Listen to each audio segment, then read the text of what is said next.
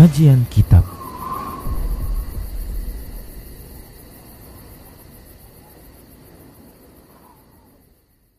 Assalamualaikum warahmatullahi wabarakatuh. Innal hamdalillah nahmaduhu wa nasta'inuhu wa nastaghfiruh wa na'udzu billahi min shururi anfusina wa min sayyiati a'malina. Man yahdihillahu فلا مضل له ومن يضلله فلا هادي له. وأشهد أن لا إله إلا الله وحده لا شريك له وأشهد أن محمدا عبده ورسوله صلى الله عليه وسلم. قال الله تبارك وتعالى يا أيها الذين آمنوا اتقوا الله حق تقاته ولا تموتن إلا وأنتم مسلمون. يا أيها الناس اتقوا ربكم الذي خلقكم من نفس واحدة وخلق منها زوجها وبس منهما رجالا كثيرا ونساء واتقوا الله الذي تساءلون به والأرحام. إن الله كان عليكم رقيبا. يا أيها الذين آمنوا اتقوا الله وقولوا قولا سديدا. يصلح لكم أعمالكم ويغفر لكم ذنوبكم. وما يطع الله ورسوله فقد فاز فوزا عظيما. أما بعد فإن أصدق الحديث كتاب الله وخير الهدى هدى رسول الله صلى الله عليه وسلم وشر الأمور محدثاتها وكل محدثة بدعة وكل بدعة ضلالة وكل ضلالة في النار Para hamba Allah rahimani wa rahimakumullah Alhamdulillah kita bersyukur kepada Allah subhanahu wa ta'ala atas nikmat-nikmat yang telah Allah subhanahu wa ta'ala berikan kepada kita Selawat dan salam kita ucapkan untuk nabinya Muhammad sallallahu alaihi wasallam. Para pemirsa Rosyad TV dan para pendengar radio Medan Mengaji di mana saja Anda berada. Kita akan kembali melanjutkan pembahasan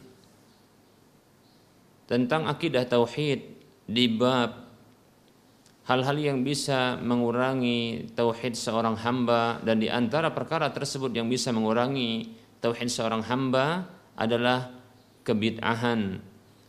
Dan makna bid'ah para muslim rahimani warahmatullah kembali kita akan sebutkan bahwasanya bid'ah yang dicela oleh Nabi Shallallahu Alaihi Wasallam bid'ah yang dinyatakan sesat oleh Nabi Shallallahu Alaihi Wasallam adalah kebid'ahan dalam urusan agama. Yaitu para ulama menyebutkan di antara definisi dari bid'ah yang ini definisi secara syar'i ditinjau dari makna syar'i adalah setiap keyakinan, perkataan, tindakan baik itu menghadirkan sebuah perbuatan atau meninggalkan sebuah perbuatan yang diyakini sebagai ibadah kepada Allah Subhanahu wa taala namun tidak ada satupun dalil dari Al-Qur'an maupun hadis Nabi sallallahu alaihi wasallam yang menunjukkan tentang pensyariatannya. Inilah bid'ah makna bid'ah yang dicela oleh Nabi SAW. Inilah makna bid'ah yang bid'ah itu merupakan sesuatu yang dicela oleh Nabi SAW dan yang dinyatakan sesat oleh Nabi SAW.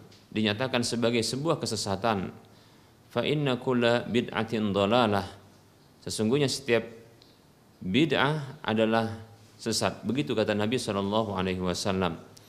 Baik adapun bid'ah dalam urusan e, bid'ah dalam makna bahasa, maka maknanya adalah segala sesuatu yang dimunculkan baru tanpa ada contoh sebelumnya. Dan ini bersifat umum. Dan ini bisa sesuatu yang tercela atau sesuatu yang tidak tercela bahkan bisa jadi dia adalah sesuatu yang ter terpuji demikian ya seperti contohnya bid'ah dalam urusan teknologi yang ternyata ini membawa manfaat kepada manusia. Demikian para muslim rahimani rahimakumullah. Namun bukan bid'ah seperti ini yang dimaksudkan oleh Nabi Shallallahu alaihi wasallam. Yang dimaksudkan oleh Nabi Shallallahu alaihi wasallam bid'ah dalam urusan agama ini. Nah, dalam ungkapan yang lain Nabi Shallallahu Alaihi Wasallam bersabda hadis yang dikeluarkan oleh Imam Bukhari dan Muslim bahkan disepakati oleh keduanya dari ibunda Aisyah radhiyallahu anha Rasulullah Shallallahu Alaihi Wasallam bersabda man ahdasa fi amrina hada ma laysa minhu fahuwa raddun Siapa saja yang membuat memunculkan baru dalam urusan agama kami ini sesuatu yang bukan darinya maka dia tertolak demikian. Baik para muslim rahimani rahimakumullah. Itulah maksudnya bid'ah yang tertolak tersebut. Baik para muslim rahimani wa rahimakumullah. Kita akan e, menyebutkan tentang bentuk bid'ah atau e, contoh bid'ah di dalam amaliyah yaitu zikir-zikir yang bid'ah. Baik para muslim rahimani wa rahimakumullah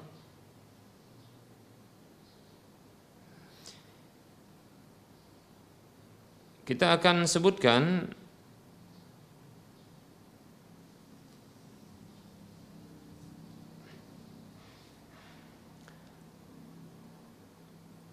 zikir yang dia tidak disyariatkan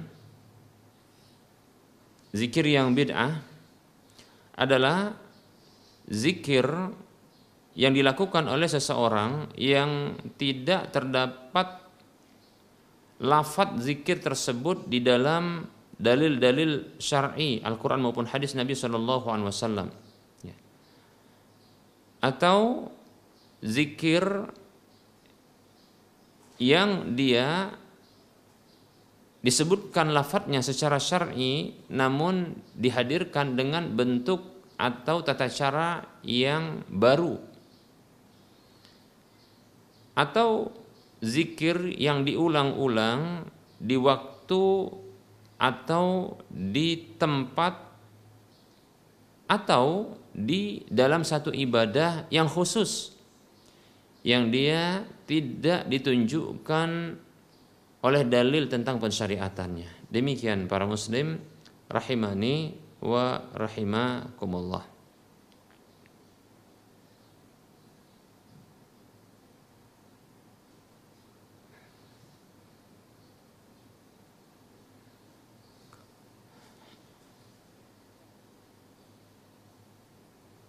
Nah, zikir-zikir yang tidak disyariatkan seperti ini disebut juga dengan zikir yang bid'ah. Dan itu ada tiga macamnya. Pertama adalah bentuk zikir yang didatangkan dengan lafat yang baru. Dengan lafat yang baru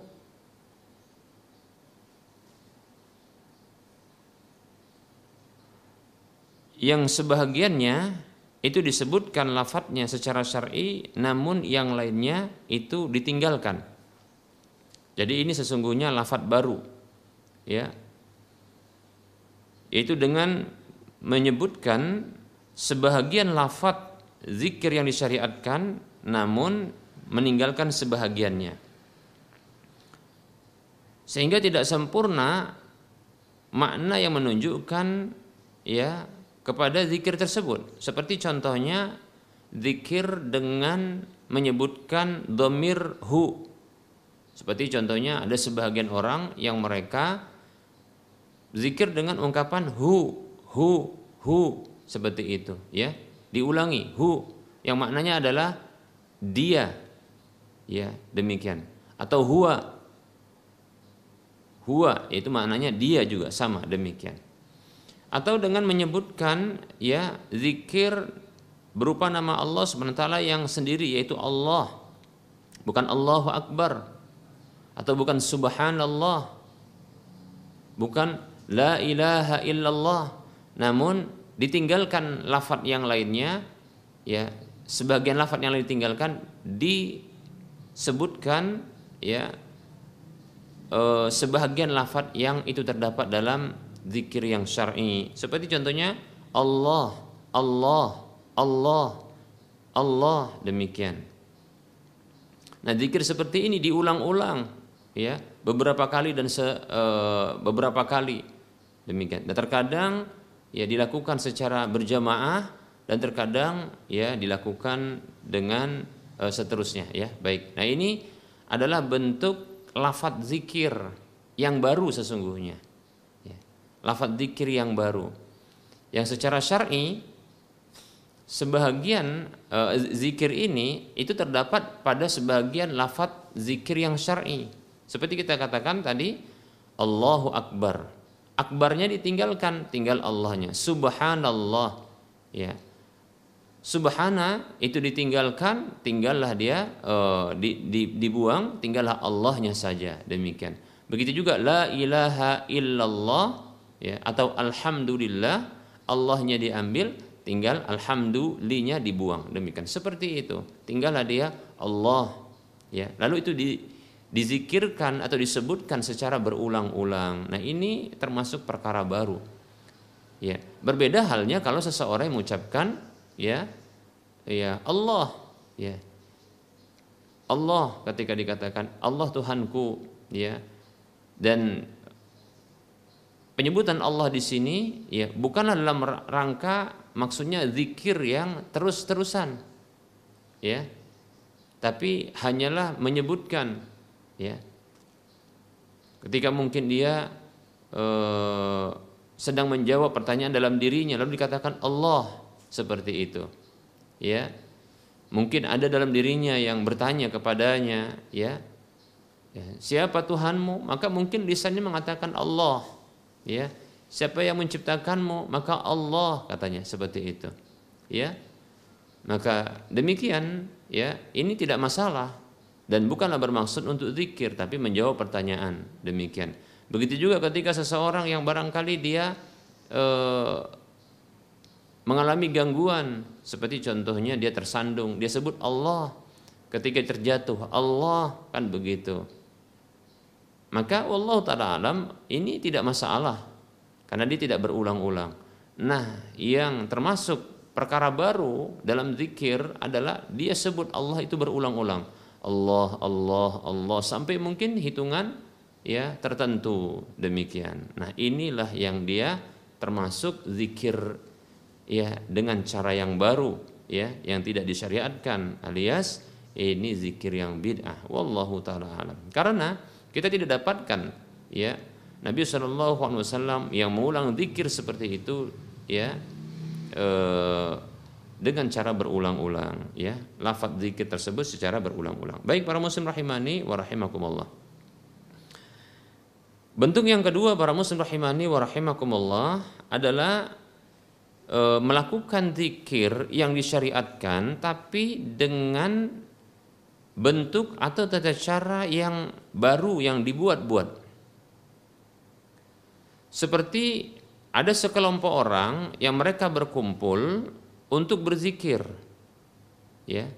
Berkumpul untuk berzikir, lalu mereka bertakbir secara bersamaan atau mereka berselawat kepada Nabi secara bersamaan atau mereka bertahlil, bertahlil takbir Allahu akbar Allahu akbar Allahu akbar. Atau la ilaha illallah la ilaha illallah. Berulang-ulang dan ini secara berjamaah atau berselawat kepada Nabi dengan satu suara. Ya berjamaah demikian. Ya.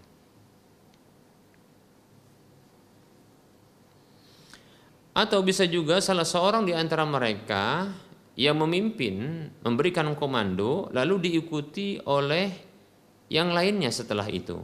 Ya seperti itu. Atau menyebutkan dengan ya berzikir sekian ya. Berzikir sekian kali maka disebutkan maka zikir sekian kali. Ya demikian. Lalu mereka pun mengikuti sesuai dengan arahan dan komando dari orang tersebut Baik para muslim rahimani warahmatullah, sesungguhnya ya hal ini telah diingkari oleh salah seorang sahabat senior Nabi Shallallahu Alaihi Wasallam yaitu Abdullah bin Mas'ud radhiyallahu anhu. Ya.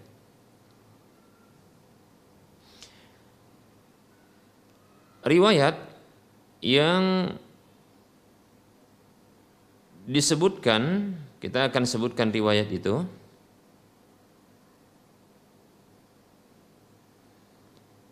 Ya, hadis ini hadis yang atau riwayat ini disebutkan oleh Imam Ad-Darimi dalam kitab Musnadnya.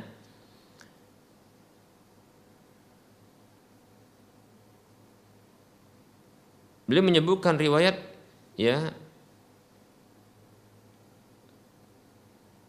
dari Al-Hakam bin Ibnu Mubarak telah mengkabarkan kepada kami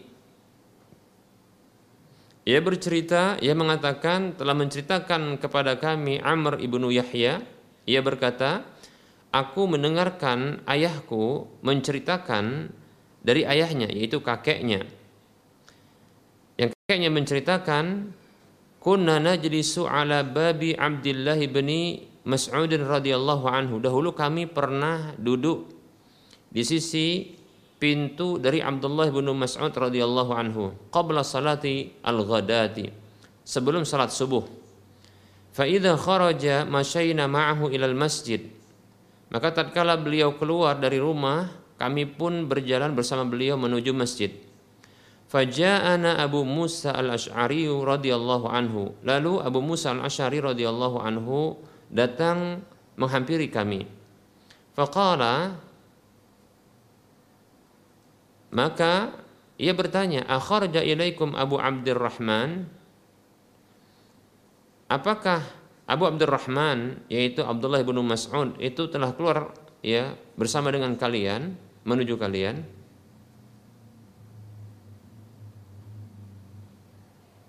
Qulna ba'du.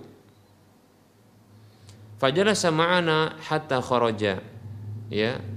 Nah, di sini e, sepertinya adalah perkataan dari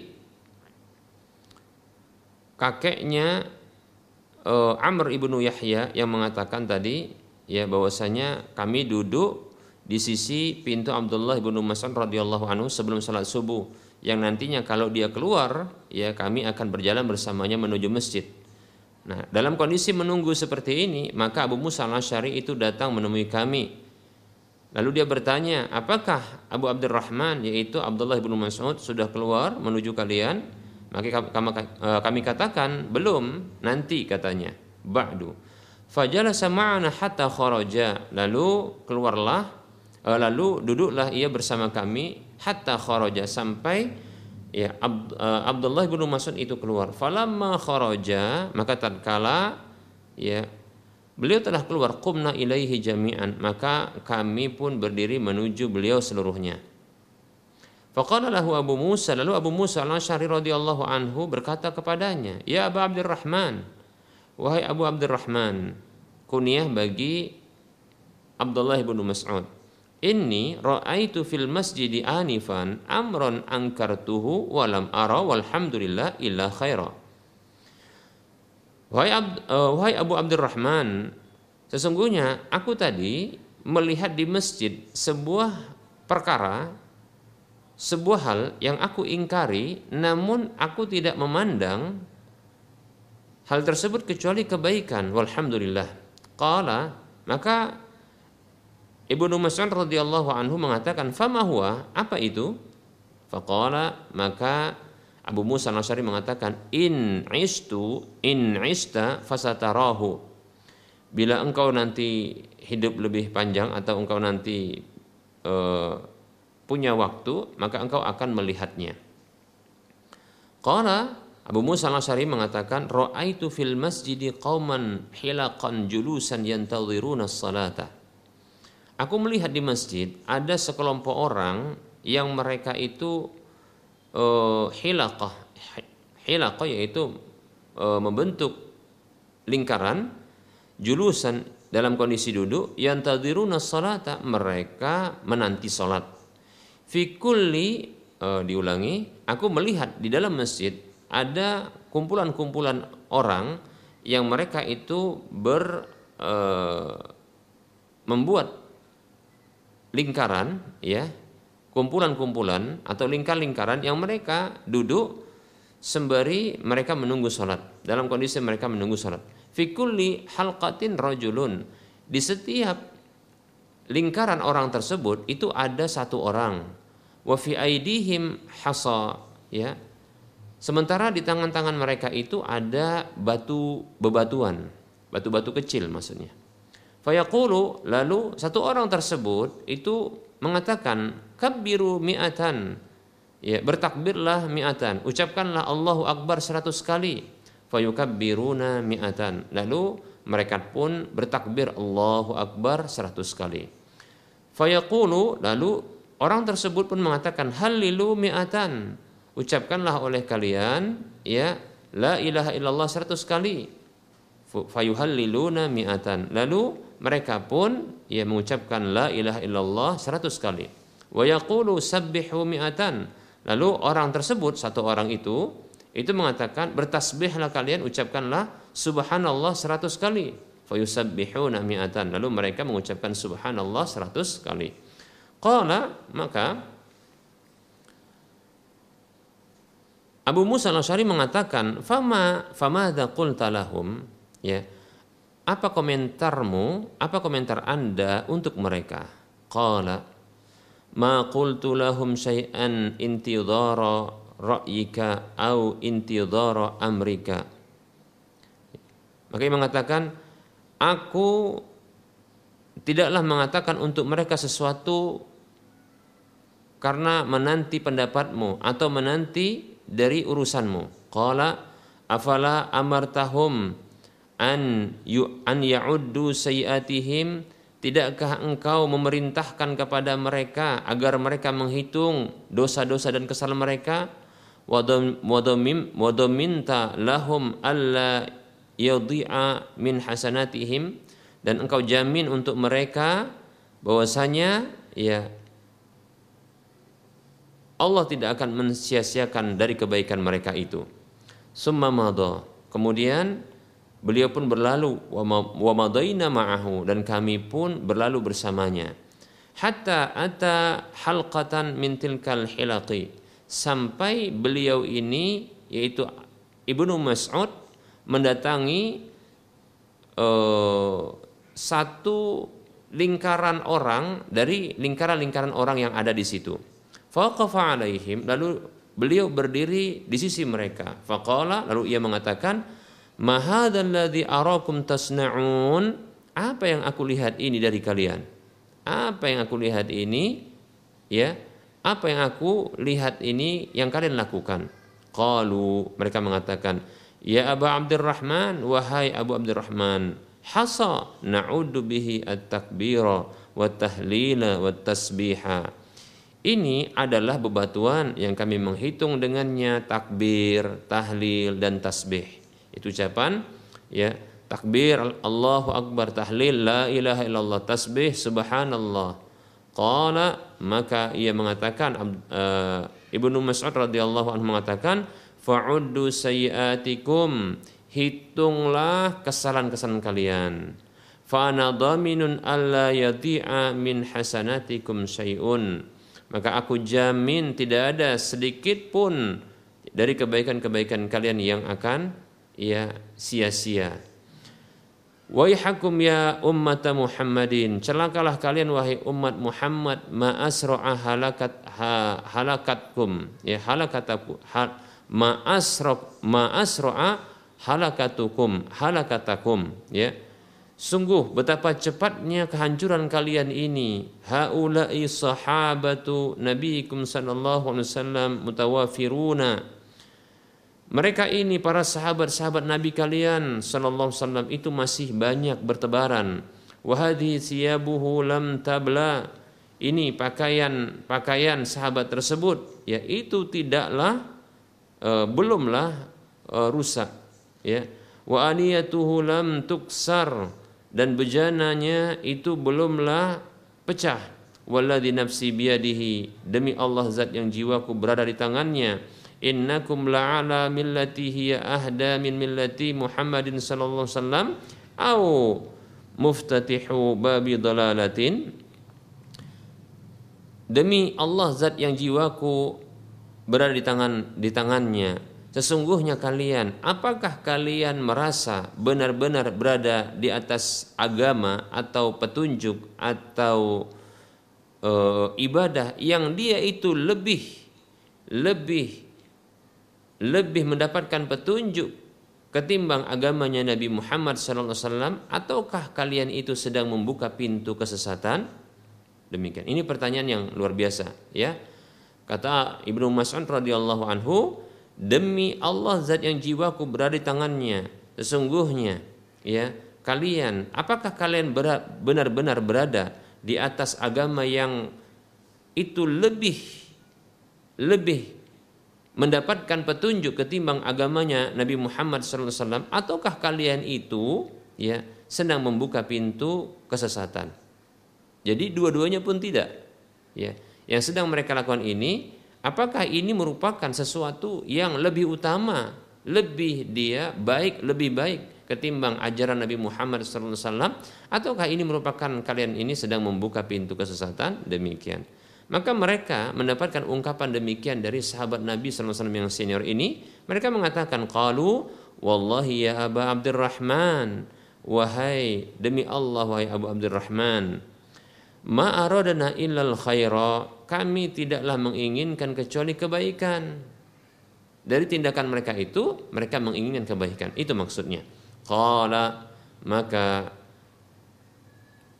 Ibnu Mas'ud radhiyallahu anhu mengatakan, "Wa kam min muridin lil khairi lam yusiba lam lan yusibahu." Ya. Betapa banyak orang yang menginginkan kebaikan namun sekali-kali dia tidak mendapatkannya.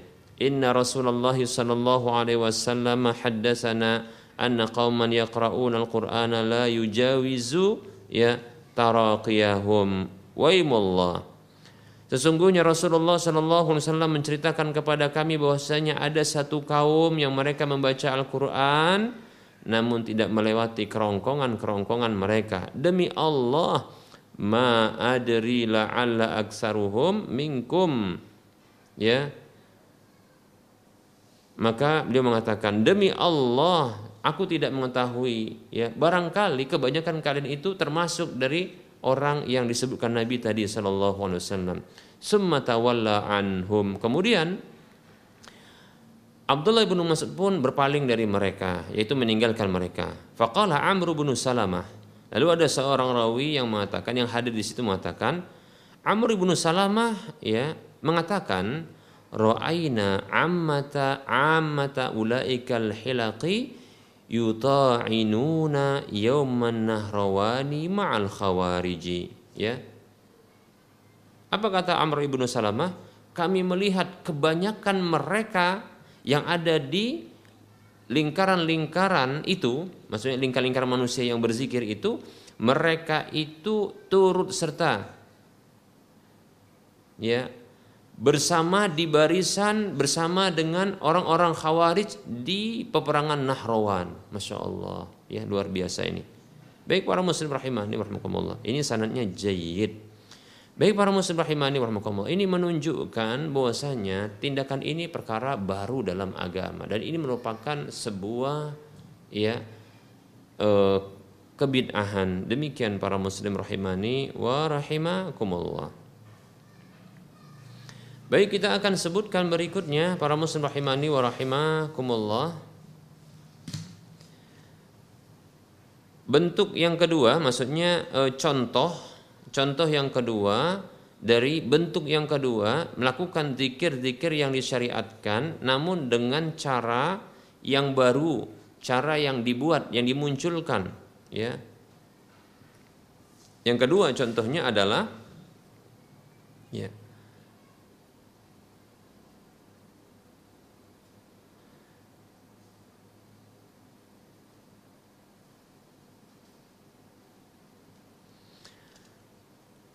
yaitu berzikir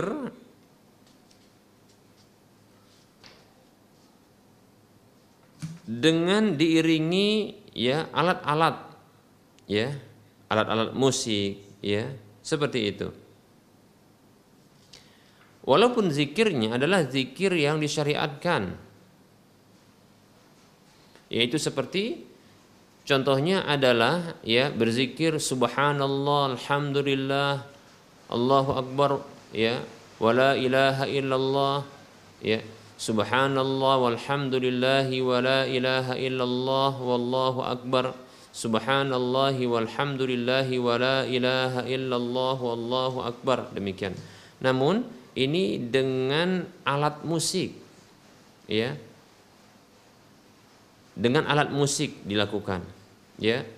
Begitu juga ya barangkali dengan alunan-alun musik ya alat musik alunan musik atau dengan ya eh, gerakan-gerakan ya. Begitu juga dengan eh, gerakan-gerakan tertentu seperti mungkin tarian ya goyangan ya gelengan dan seterusnya. Baik para muslim rahimani rahimakumullah. Zikirnya adalah sebuah hal yang zikir yaitu zikirnya lafaz zikirnya sesuatu yang disyariatkan ya. Seperti Allahu Akbar Allahu Akbar Allahu Akbar Subhanallah Subhanallah Subhanallah Subhanallah La ilaha illallah La ilaha illallah. Namun ini dengan diiringi ya alat musik atau gerakan-gerakan tertentu seperti tarian-tarian, ya gelengan-gelengan, ya goyangan-goyangan seperti itu. Maka yang seperti ini walaupun dengan alasan untuk menguatkan iman ya atau untuk meresapi zikir tersebut, maka yang seperti ini adalah termasuk perkara baru dalam urusan agama ini. Demikian karena cara tersebut tidak pernah diajarkan oleh Nabi sallallahu alaihi wasallam.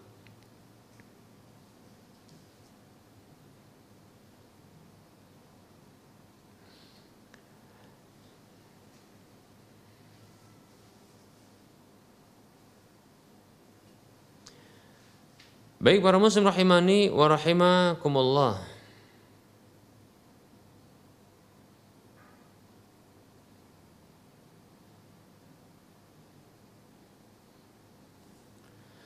Berikutnya adalah ya zikir tersebut ya. Yang ini maksudnya adalah yang eh, contoh ketiga dari bentuk yang kedua yaitu melakukan zikir yang disyariatkan tapi dengan cara yang baru atau dengan metode yang baru. Yaitu dengan cara yang ketiga ini dengan cara menambahkan zikir yang disyariatkan dengan tambahan yang lainnya yang tidak berasal darinya ya dan men, e, terus menerus ya melafatkan zikir tersebut ya setiap kali menzikirkan atau menyebutkan zikir yang disyariatkan itu demikian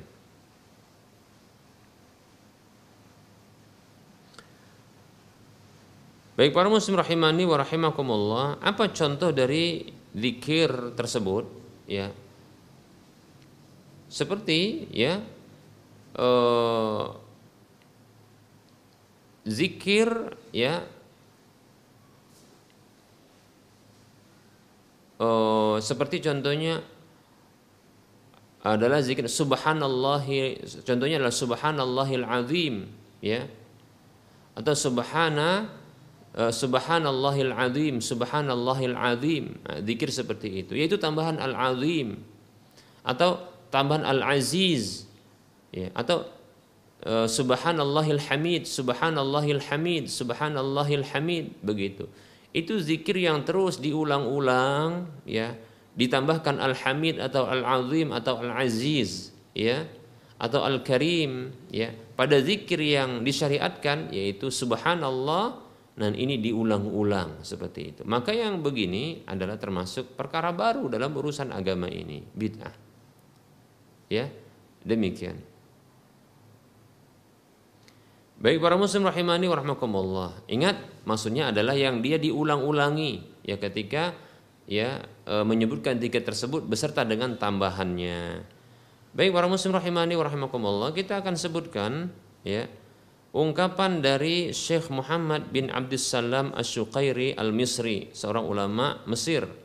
Di dalam kitab As-Sunan wal Mubtada'at di bab yang ke-24 tentang wajibnya berselawat kepada Nabi sallallahu alaihi wasallam serta tentang keutamaan salawat tersebut tata caranya. Demikian. Ya. dan kerugian serta kebakhilan orang yang meninggalkannya di halaman yang ke 246 247 beliau mengatakan i'lam anna salawatil bakariyata wad-dur wad-duradiyya wad-duradiyariyah ya wal wal wal miraghaniyah kullaha mukhtara'atun wa mubtada'atun. Beliau katakan, ketahuilah sesungguhnya selawat-selawat ya bakariyah uh, durdiriyah kemudian mi, miraghaniyah semuanya itu adalah selawat yang dibuat-buat dan dia adalah bid'ah. Wa kadza kitabu afdalu salati ala sayyidi as-sadat. Demikian pula kitab yang berjudul Afdalu Salati ala Sayyidi, sayyidi Sadat dan kitab Salawatus Sana ala Sayyidil Anbiya ya li Nabahani ya punya Imam An-Nabahani. Kemudian kitab Raudatul Asrar fi Salati al Mukhtar ya Begitu juga kitab At-Tuhfatur Rabbaniyah bis salati ala Imamil Hadratil Qudusiyah. Begitu juga kitab Miftahul ya Madadi fis salati ala Rasuli As-Sanadi ya. Kemudian kitab Tafakkur wal i'tibaru fis salati ala Nabil Mukhtar ya punya Ahmad bin Sabit Al-Maghribi. Wa kadza kullu kitabin rattabtu fihi atau uh, rutibat fihi as-salatu ala nabi sallallahu ala hurufil mu'jami kan yaqula fi Allahumma salli ala sayyidina Muhammad Muhammad al-qail innamal a'malu binniyat wa yadhkuruna uh, ba'da kulli tasliyati tasliyatin hadisan nabawiyan au saja'an ya fa'lam annahu hadisu hadasun ya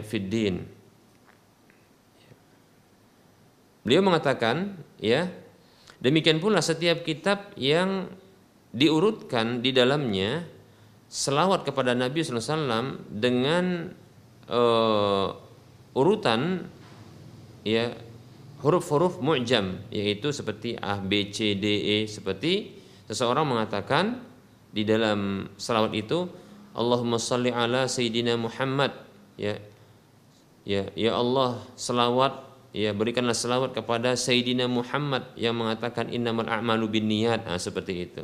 Ya.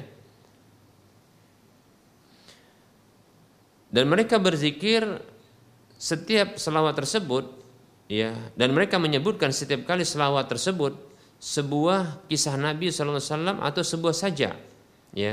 Maka ketahuilah bahwasanya hal tersebut adalah perkara baru dalam urusan agama ini ya wa syara'un lam ya'dan bihillah dan itu merupakan syariat yang tidak diizinkan oleh Allah.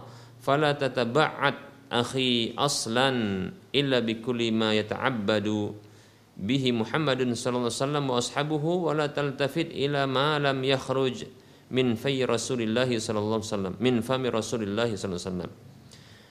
Wahai saudaraku, maka janganlah kalian beribadah, janganlah kamu beribadah sama sekali kecuali dengan apa yang Nabi Muhammad SAW itu beribadah dengannya, demikian pula para sahabatnya, demikian. Dan janganlah melirik kepada apa saja yang tidak pernah keluar dari mulutnya Rasulullah SAW. Wa illa falasta muhibban lahu wala mutabi'an lima ja'a lima ja'aka bihi. Kalaulah tidak demikian, yaitu engkau ya tidak beribadah dengan petunjuk Nabi SAW, maka engkau bukanlah pecinta Nabi Sallallahu Alaihi Wasallam. Engkau bukanlah orang yang mencintai Nabi Sallallahu Alaihi Wasallam.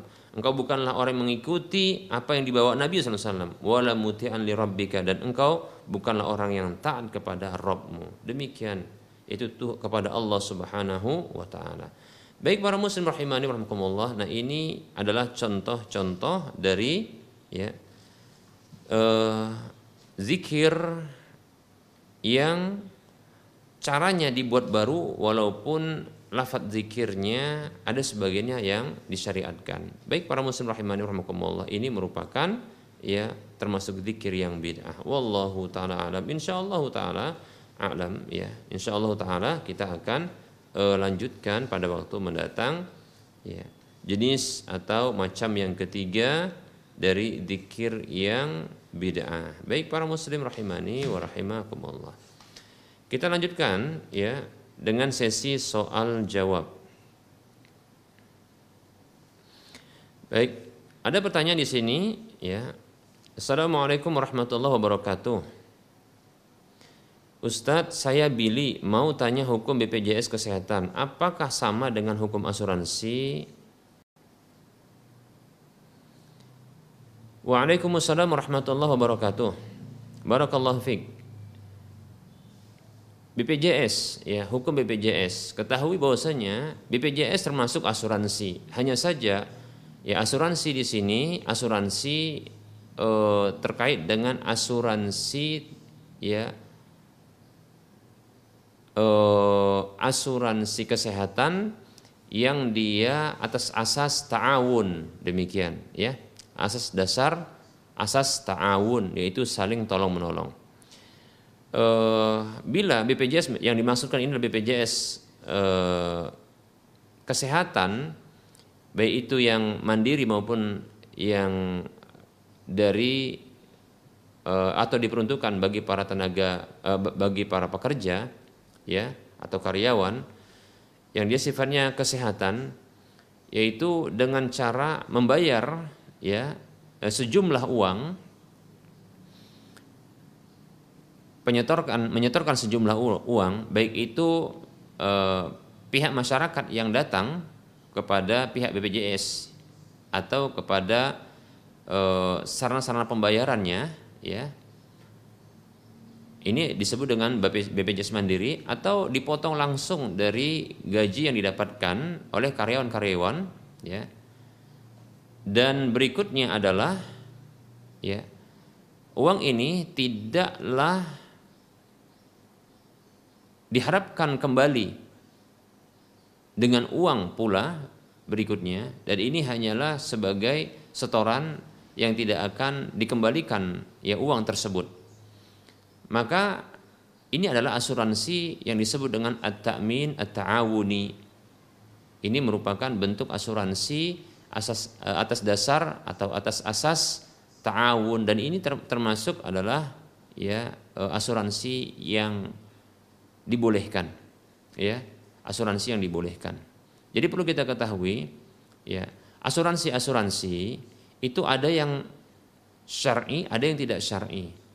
Asuransi itu ada yang boleh, ada yang tidak boleh. Asuransi itu ada yang halal, itu ada yang haram, demikian. Asuransi yang halal adalah ya para peserta asuransi tersebut mereka menyetorkan uang tanpa berharap kembali uang tersebut. Ya, tanpa berharap kembali uang tersebut, yaitu dibayarkan. Nah, dibayarkan seperti ini, mereka tidak memang mengharapkan dan tidak dijanjikan pula untuk dikembalikan uangnya.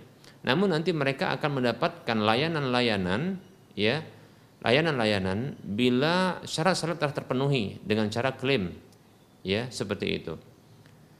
Baik para muslim rahimani warahmatullah, maka akad seperti ini adalah akad hibah yang ditujukan adalah untuk saling tolong menolong di antara para peserta peserta asuransi tersebut. Ya. Maka dalam kondisi seperti ini tidak ada dugaan bahwasanya itu merupakan goror karena goror di dalam e, akad hibah itu adalah sesuatu yang dimaafkan. Begitu juga judi, ya. Lebih-lebih riba juga tidak ada riba padanya. Kecuali bila asuransi-asuransi memperlakukan denda keterlambatan, ya, maka di sini bisa jatuh kepada ya bisa jatuh kepada ya riba dari sisi denda keterlambatannya. Seperti itu. Yaitu ada denda yang dilebihkan ketika telat membayar. Ya seperti itu. Ini termasuk hutang yang menarik keuntungan. Seperti itu ya. Baik ya adapun asuransi yang eh, haram atau yang tidak boleh adalah asuransi yang bersifat konvensional ya. Uh, disebut juga ya at-ta'min at-tijari ya yaitu asuransi komersil. Yaitu para peserta menyetorkan sejumlah uang yang telah ditentukan dan nantinya sejumlah uang tersebut dengan akumulasi waktu yang telah disetorkan ya dikalikan dengan jumlah dengan waktu yang disetorkan itu akan dikembalikan bahkan dengan tambahan beserta dengan fasilitas-fasilitas yang didapatkan ya layanan-layanan yang didapatkan. Maka ini tentunya ya adalah ya haram karena di sini ada e, tiga pelanggaran sekaligus yang bisa e, yang yang terjadi yaitu riba ya begitu juga gharar begitu juga judi. Ya demikian. Ya karena tentunya ketika para peserta yang mereka menyetorkan uang lalu dijanjikan untuk dikembalikan dan itu tentunya digunakan ya maka ini adalah akarnya hutang piutang. Kemudian e, dijanjikan adanya tambahan ya. Maka ini adalah riba seperti itu. Kemudian tambahan tersebut tidak diketahui ya. Maka ini ya ini goror dan terkadang ya ini juga memuat judi di mana terkadang eh, para peserta dari eh, asuransi komersil ini dia tidak mengetahui kapankah dia akan mengalami eh, klaim seperti itu. Maka ini seperti dia melakukan gambling yaitu judi demikian ya. Apakah dia akan menang dengan klaim tersebut ya ataukah dia nanti akan e, kalah tidak mengalami klaim tersebut. Malah yang diuntungkan adalah pihak asuransinya. Demikian. Wallahu taala alam. Yang jelas bila satu saja ya dari pelanggaran ini ada maka cukuplah asuransi tersebut sudah dinyatakan ya tidak halal. Demikian ya.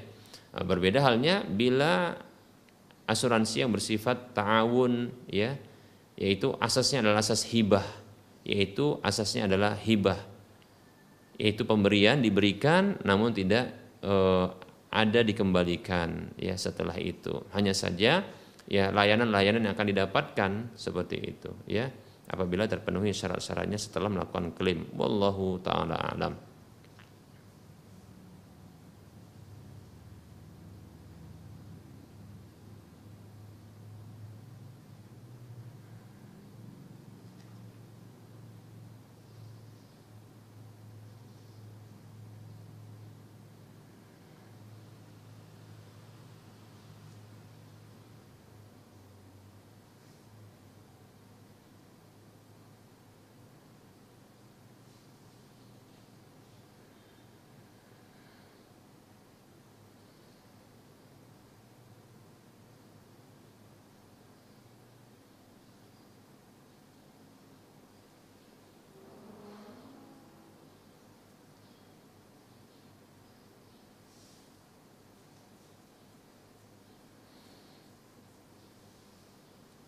Baik, ada pertanyaan di sini.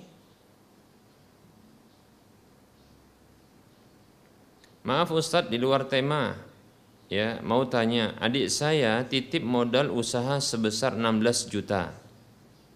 Jadi adik ini, adik sang penanya adalah seorang yang e, akan menjadi investor ya. Dan per sejutanya adik saya hanya minta 50 ribu dan dibayarkan atau dikeluarkan setiap bulan. Jadi setiap bulannya dia dapat 800 ribu. Dan ini sepakat antara kedua belah pihak. Apakah akad ini dibolehkan? Bagaimana? Bagaimana hukum bagi hasil sesuai syariat? Syukron Ustaz. Jazakallahu khairan.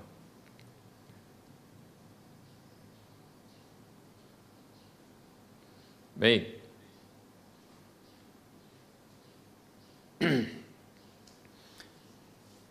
Sesungguhnya akad bagi hasil baik itu dia dengan melibatkan pemodal tunggal maupun dengan pemodal patungan maka pertama sekali yang harus ditetapkan adalah dan diketahui bersama para investor atau investor pemodal itu wajib menanggung kerugian yang bersifat alami atau karena force major ya itu sebesar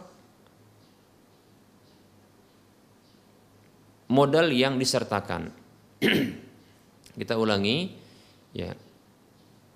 Pemodal itu wajib bersedia untuk menanggung kerugian yang bersifat alami sebesar modal yang disertakan. Apabila kerugian yang bersifat alami ya tersebut ya e, mengakibatkan kerugian keseluruhan sementara dia pemodal tunggal maka dia menanggung semua kerugian tersebut ya. Kalau dia seorang pemodal tunggal kan tentunya ya pemodal tunggal.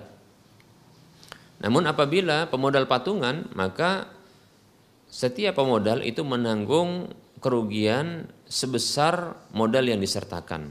Ya sebesar modal disertakan. Berapa persen modalnya dari modal keseluruhan? Demikian. Maka sebesar itu pula dia menanggung E, kerugian yang bersifat alami. Ini yang pertama. Kemudian yang kedua adalah tidak boleh ya tidak boleh adanya penentuan keuntungan yang bersifat flat, yang bersifat stagnan, yang bersifat e, baku atau nominal tertentu. Tidak boleh. Ya. Nah, kasus yang ditanyakan ini, maka ini melanggar syarat yang kedua ini.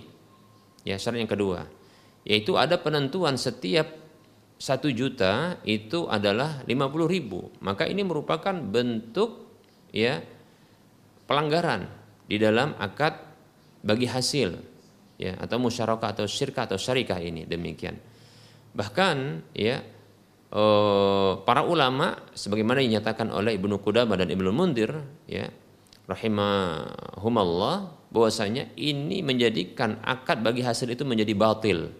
Demikian menjadi bah, batil seperti itu. Maka tidak boleh flat tidak boleh flat ya. Tidak boleh dia baku stagnan ya. Maka dia fluktuatif ya. Maka oleh karenanya tidak boleh dengan menentukan nominal tertentu ya begitu juga tidak boleh ya menetapkan keuntungan walaupun bentuk persentase tapi dari modal tidak boleh persentase tapi dari modal. Ini tidak boleh. Saya ulangi, ya. Syarat yang kedua adalah tidak boleh keuntungan baik itu salah satu dari eh, pihak yang terlibat di dalam akad bagi hasil ini maupun kedua-dua belah pihak atau siapa saja ya mereka ini menentukan keuntungan secara flat flat, baku, stagnan. Ya. Seperti itu. Maka tidak boleh. Baik itu dengan nominal yang ditetapkan, seperti contohnya tadi dalam kasus 50 ribu ya dari setiap satu jutanya. Sehingga modal yang disertakan 16 juta itu setiap bulannya menjadi 800 ribu setiap bulannya. Demikian. Maka ini merupakan pelanggaran terhadap syarat yang eh, kedua ini.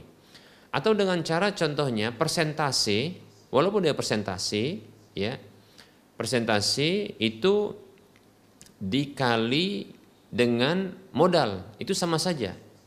Seperti contohnya ya 5% ya atau 10% dari modal yang disertakan. Maka ini akan mengakibatkan keuntungan flat atau dia baku. Maka tidak boleh yang seperti ini, ya demikian. Baik ya. Maka eh, yang benar adalah ya keuntungan itu ditetapkan dengan persentase ya, keuntungan bagi hasil itu ditetapkan ya dengan persentase ya atau bahagiannya itu dikalikan dengan keuntungan bersih setelah dikeluarkan ya e, biaya operasional. Setelah dikeluarkan biaya operasional keseluruhannya. Demikian. Kalau dia dalam bentuk persentase seperti contohnya pemodal yang mendapatkan 40%, ya. Kemudian pengelola menjadi, mendapatkan sekitar 60%, katakan demikian. Walaupun tidak mesti, ya. Ini tergantung kesepakatan. Jadi ini sebenarnya termasuk syarat-syarat yang berikutnya yaitu kebolehan dari ke, pembagian keuntungan tersebut ya itu adalah disesuaikan dengan kerelaan, kesepakatan masing-masing, namun wajib dikalikan dengan keuntungan bersih. Keuntungan bersih yang didapatkan ya, apakah per bulan atau per pekan, ya.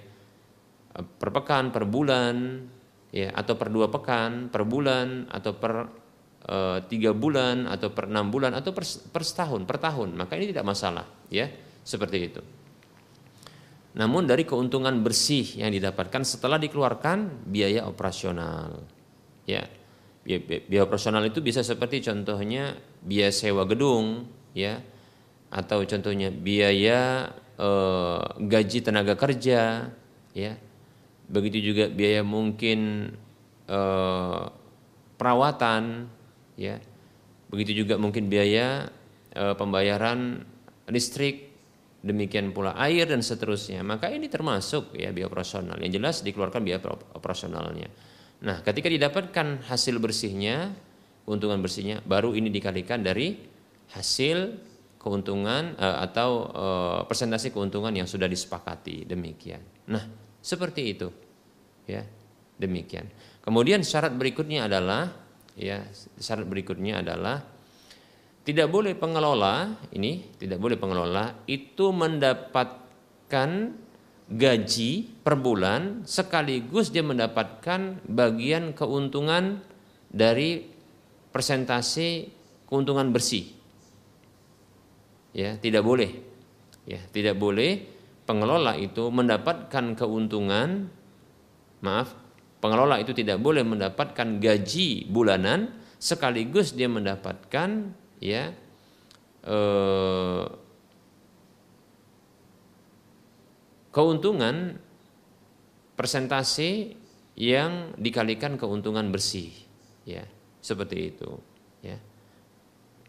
Karena ini menyalahi ya ini menyalahi. Tidak boleh ya e, demikian. Ya ini syarat yang berikutnya. Wallahu taala a'lam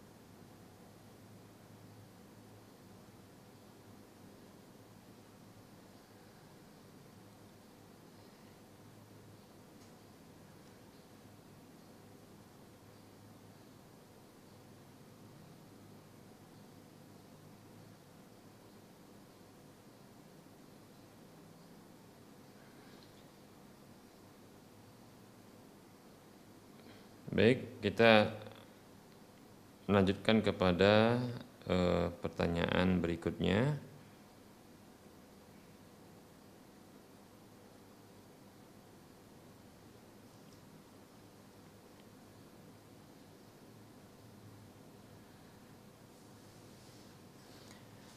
Assalamualaikum warahmatullahi wabarakatuh.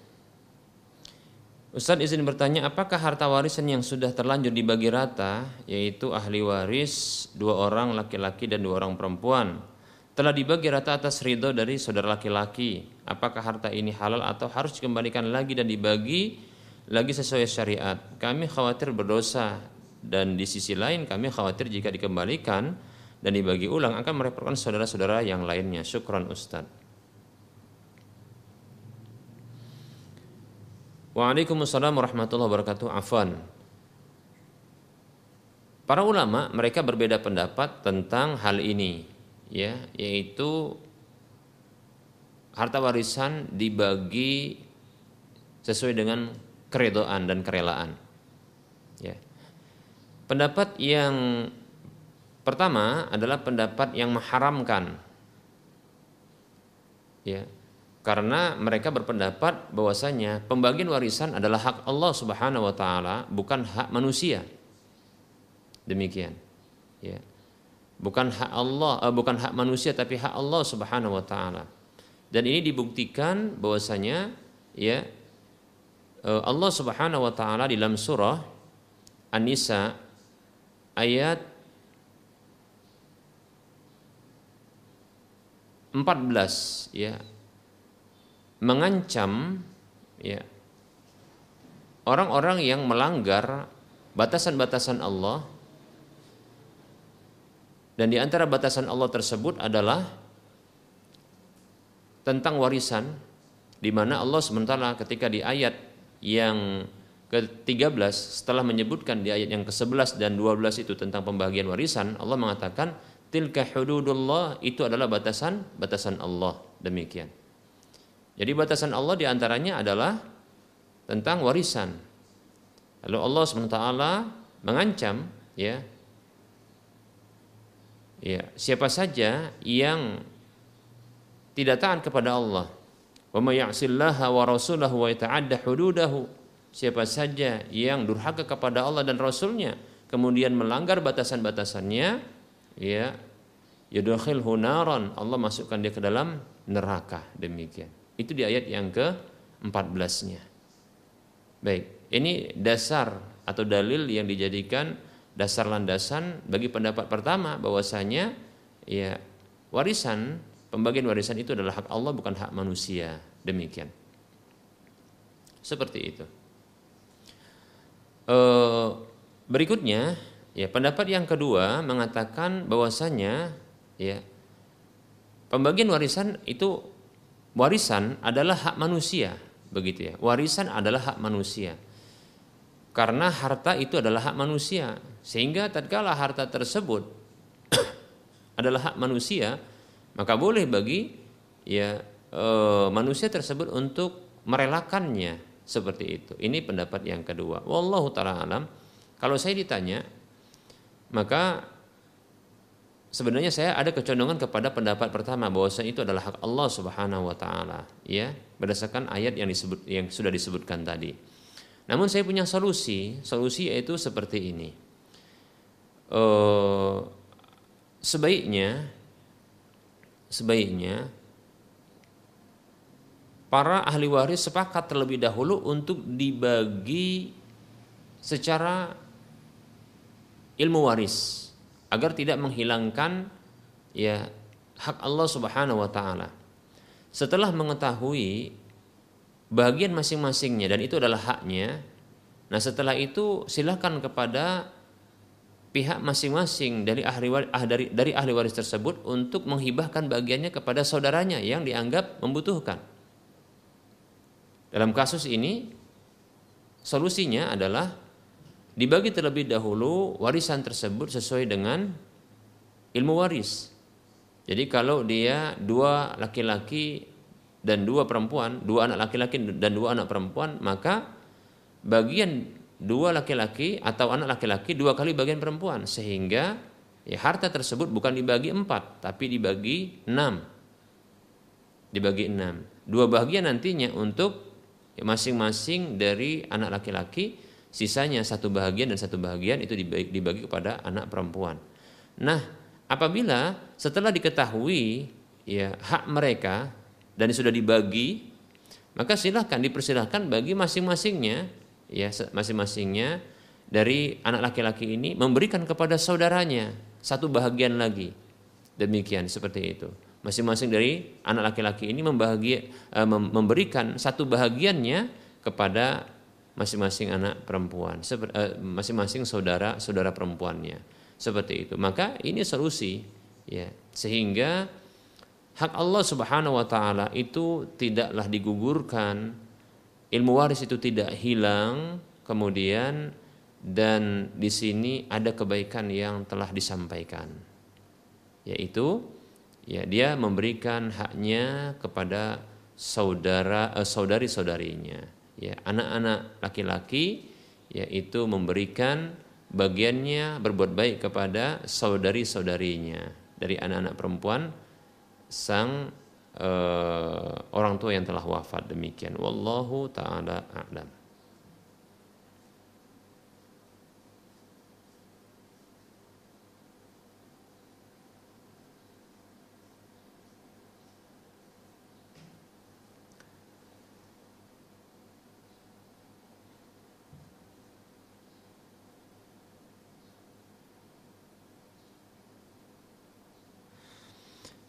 Ada pertanyaan Assalamualaikum Ustaz.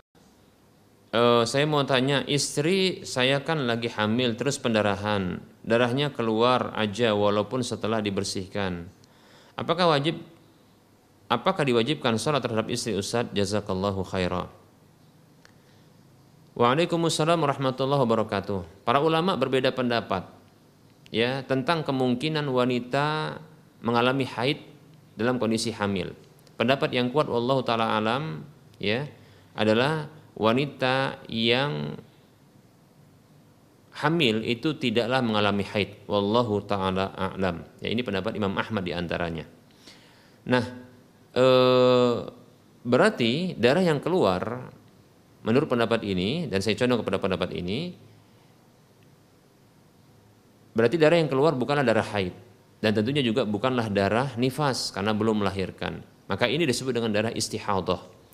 Nah, para ulama mereka sepakat bahwasanya wanita yang mengeluarkan darah istihadah maka atau darah penyakit, maka darah ini eh, maka wanita ini itu disamakan dengan wanita yang suci maka wajib baginya ketika itu sholat, begitu juga wajib baginya untuk berpuasa di bulan Ramadan kalau dia mampu tentunya untuk melakukannya dan suaminya boleh untuk menggaulinya demikian ya wallahu taala alam. Hanya saja setiap kali hendak sholat maka dia harus berwudu apabila keluar darah tersebut ya dibersihkan terlebih dahulu kemudian dia berwudu kemudian sholat demikian. Adapun darah yang keluar setelah berwudu tersebut maka tidak dihitung hanya saja setiap kali hendak sholat wajib berwudu demikian ya. Wa anta fajazakallahu khairah.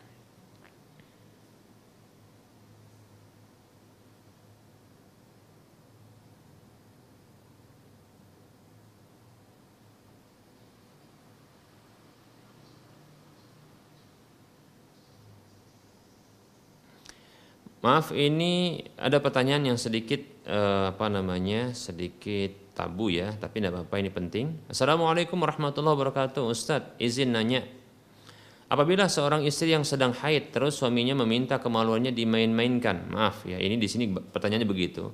Namun tanpa masuk ke dalam vagina istrinya, apakah oh, oleh istrinya sampai suaminya ejakulasi, maksudnya mengeluarkan mani ya?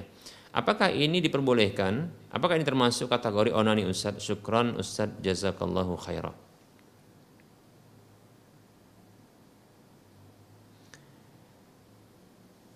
Waalaikumsalam warahmatullahi wabarakatuh.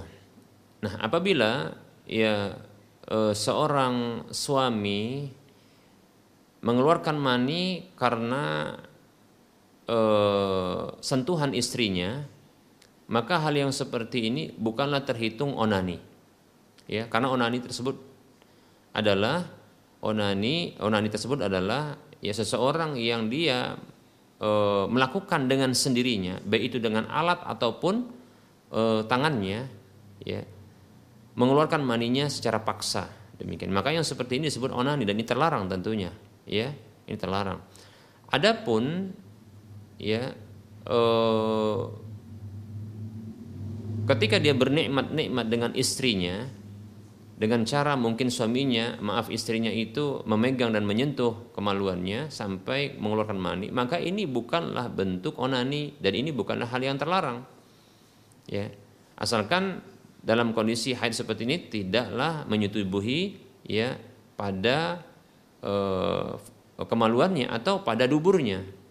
Ya demikian. Karena Nabi SAW ya e, mengatakan dalam sebuah hadis Nabi SAW man ata au imra'atan fi duburiha au atakahinan fasaddaqahu bima yaqul faqad kafara bima unzila ala Muhammad sallallahu alaihi wasallam. Kata Nabi SAW, siapa saja yang mendatangi seorang wanita yang haid, maksudnya adalah menggaulinya pada kemaluannya yang sedang haid. Atau mendatangi wanita itu pada duburnya, yaitu pada jalan tempat keluar feses. Atau mendatangi dukun, ya lalu membenarkan apa yang diucapkannya maka sungguh dia telah kufur terhadap apa yang diturunkan kepada Nabi Muhammad SAW jadi itu perkara yang diharamkan. Namun apabila hanya sekedar menyentuhnya ya maka ini atau menggerak-gerakkannya maka ini termasuk hal yang dibolehkan ya. Hal yang dibolehkan ya Kata Allah Subhanahu wa taala, "Nisa'ukum harsun lakum fa'tu harsakum anna syi'tum." Istri-istri kalian itu adalah kebun bagi kalian, ladang bagi kalian. Fa'tu harsakum, maka datangilah, ya datangilah kebun kalian itu anna syi'tum bagaimanapun yang kalian sukai dan kehendaki, yang kalian inginkan. Jadi bagaimanapun cara kita untuk mendatangi ya istri kita Asalkan yang dilarang tadi dalam kondisi haid itu pada kemaluannya, begitu juga pada duburnya, ya. Ini dua kondisi yang tidak boleh atau dua cara yang tidak boleh, sisanya adalah dibolehkan wallahu taala a'lam. Ya. Hanya saja para ulama berbeda pendapat atau para ahli ahli ilmu berbeda pendapat tentang oral seks, yaitu e, mengulum atau menjilat kemaluan dari, dengan mulut demikian. Saya condong kepada pendapat yang mengatakan Apabila hanya sekedar untuk memunculkan syahwat maka tidak mengapa. Namun apabila berlama-lama mengulum atau menjilat ya kemaluan ya maka wallahu taala alam maka di sini dikhawatirkan ada najis yang keluar yaitu madhi lalu tertelan olehnya demikian. Walaupun sebagian ulama yang lainnya itu memakruhkan bahkan mengharamkan. Kenapa? Karena sesungguhnya mulut ini adalah tempat sesuatu yang suci ya kemudian ya tempat dia zikir membaca Al-Qur'an. Adapun kemaluan adalah tempat-tempat kotoran yang keluar dan satu yang menjijikkan. Wallahu taala a'lam.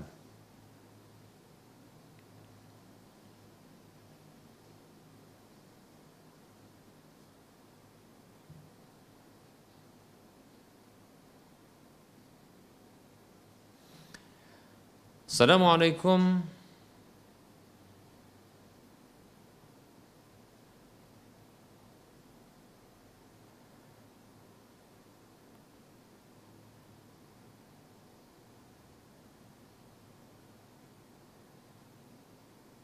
Assalamualaikum Ustaz. Saya Abu Ammar. Saya ingin bertanya Apa hukum membaca Al-Quran atau pegang Al-Quran tanpa wudhu Syukran Ustaz. Jazakallahu khairan. Waalaikumsalam warahmatullahi wabarakatuh. Barakallahu fiqh Abu Ammar. Baik ya. E, Hukum membaca Al-Quran dengan cara memegang Al-Quran.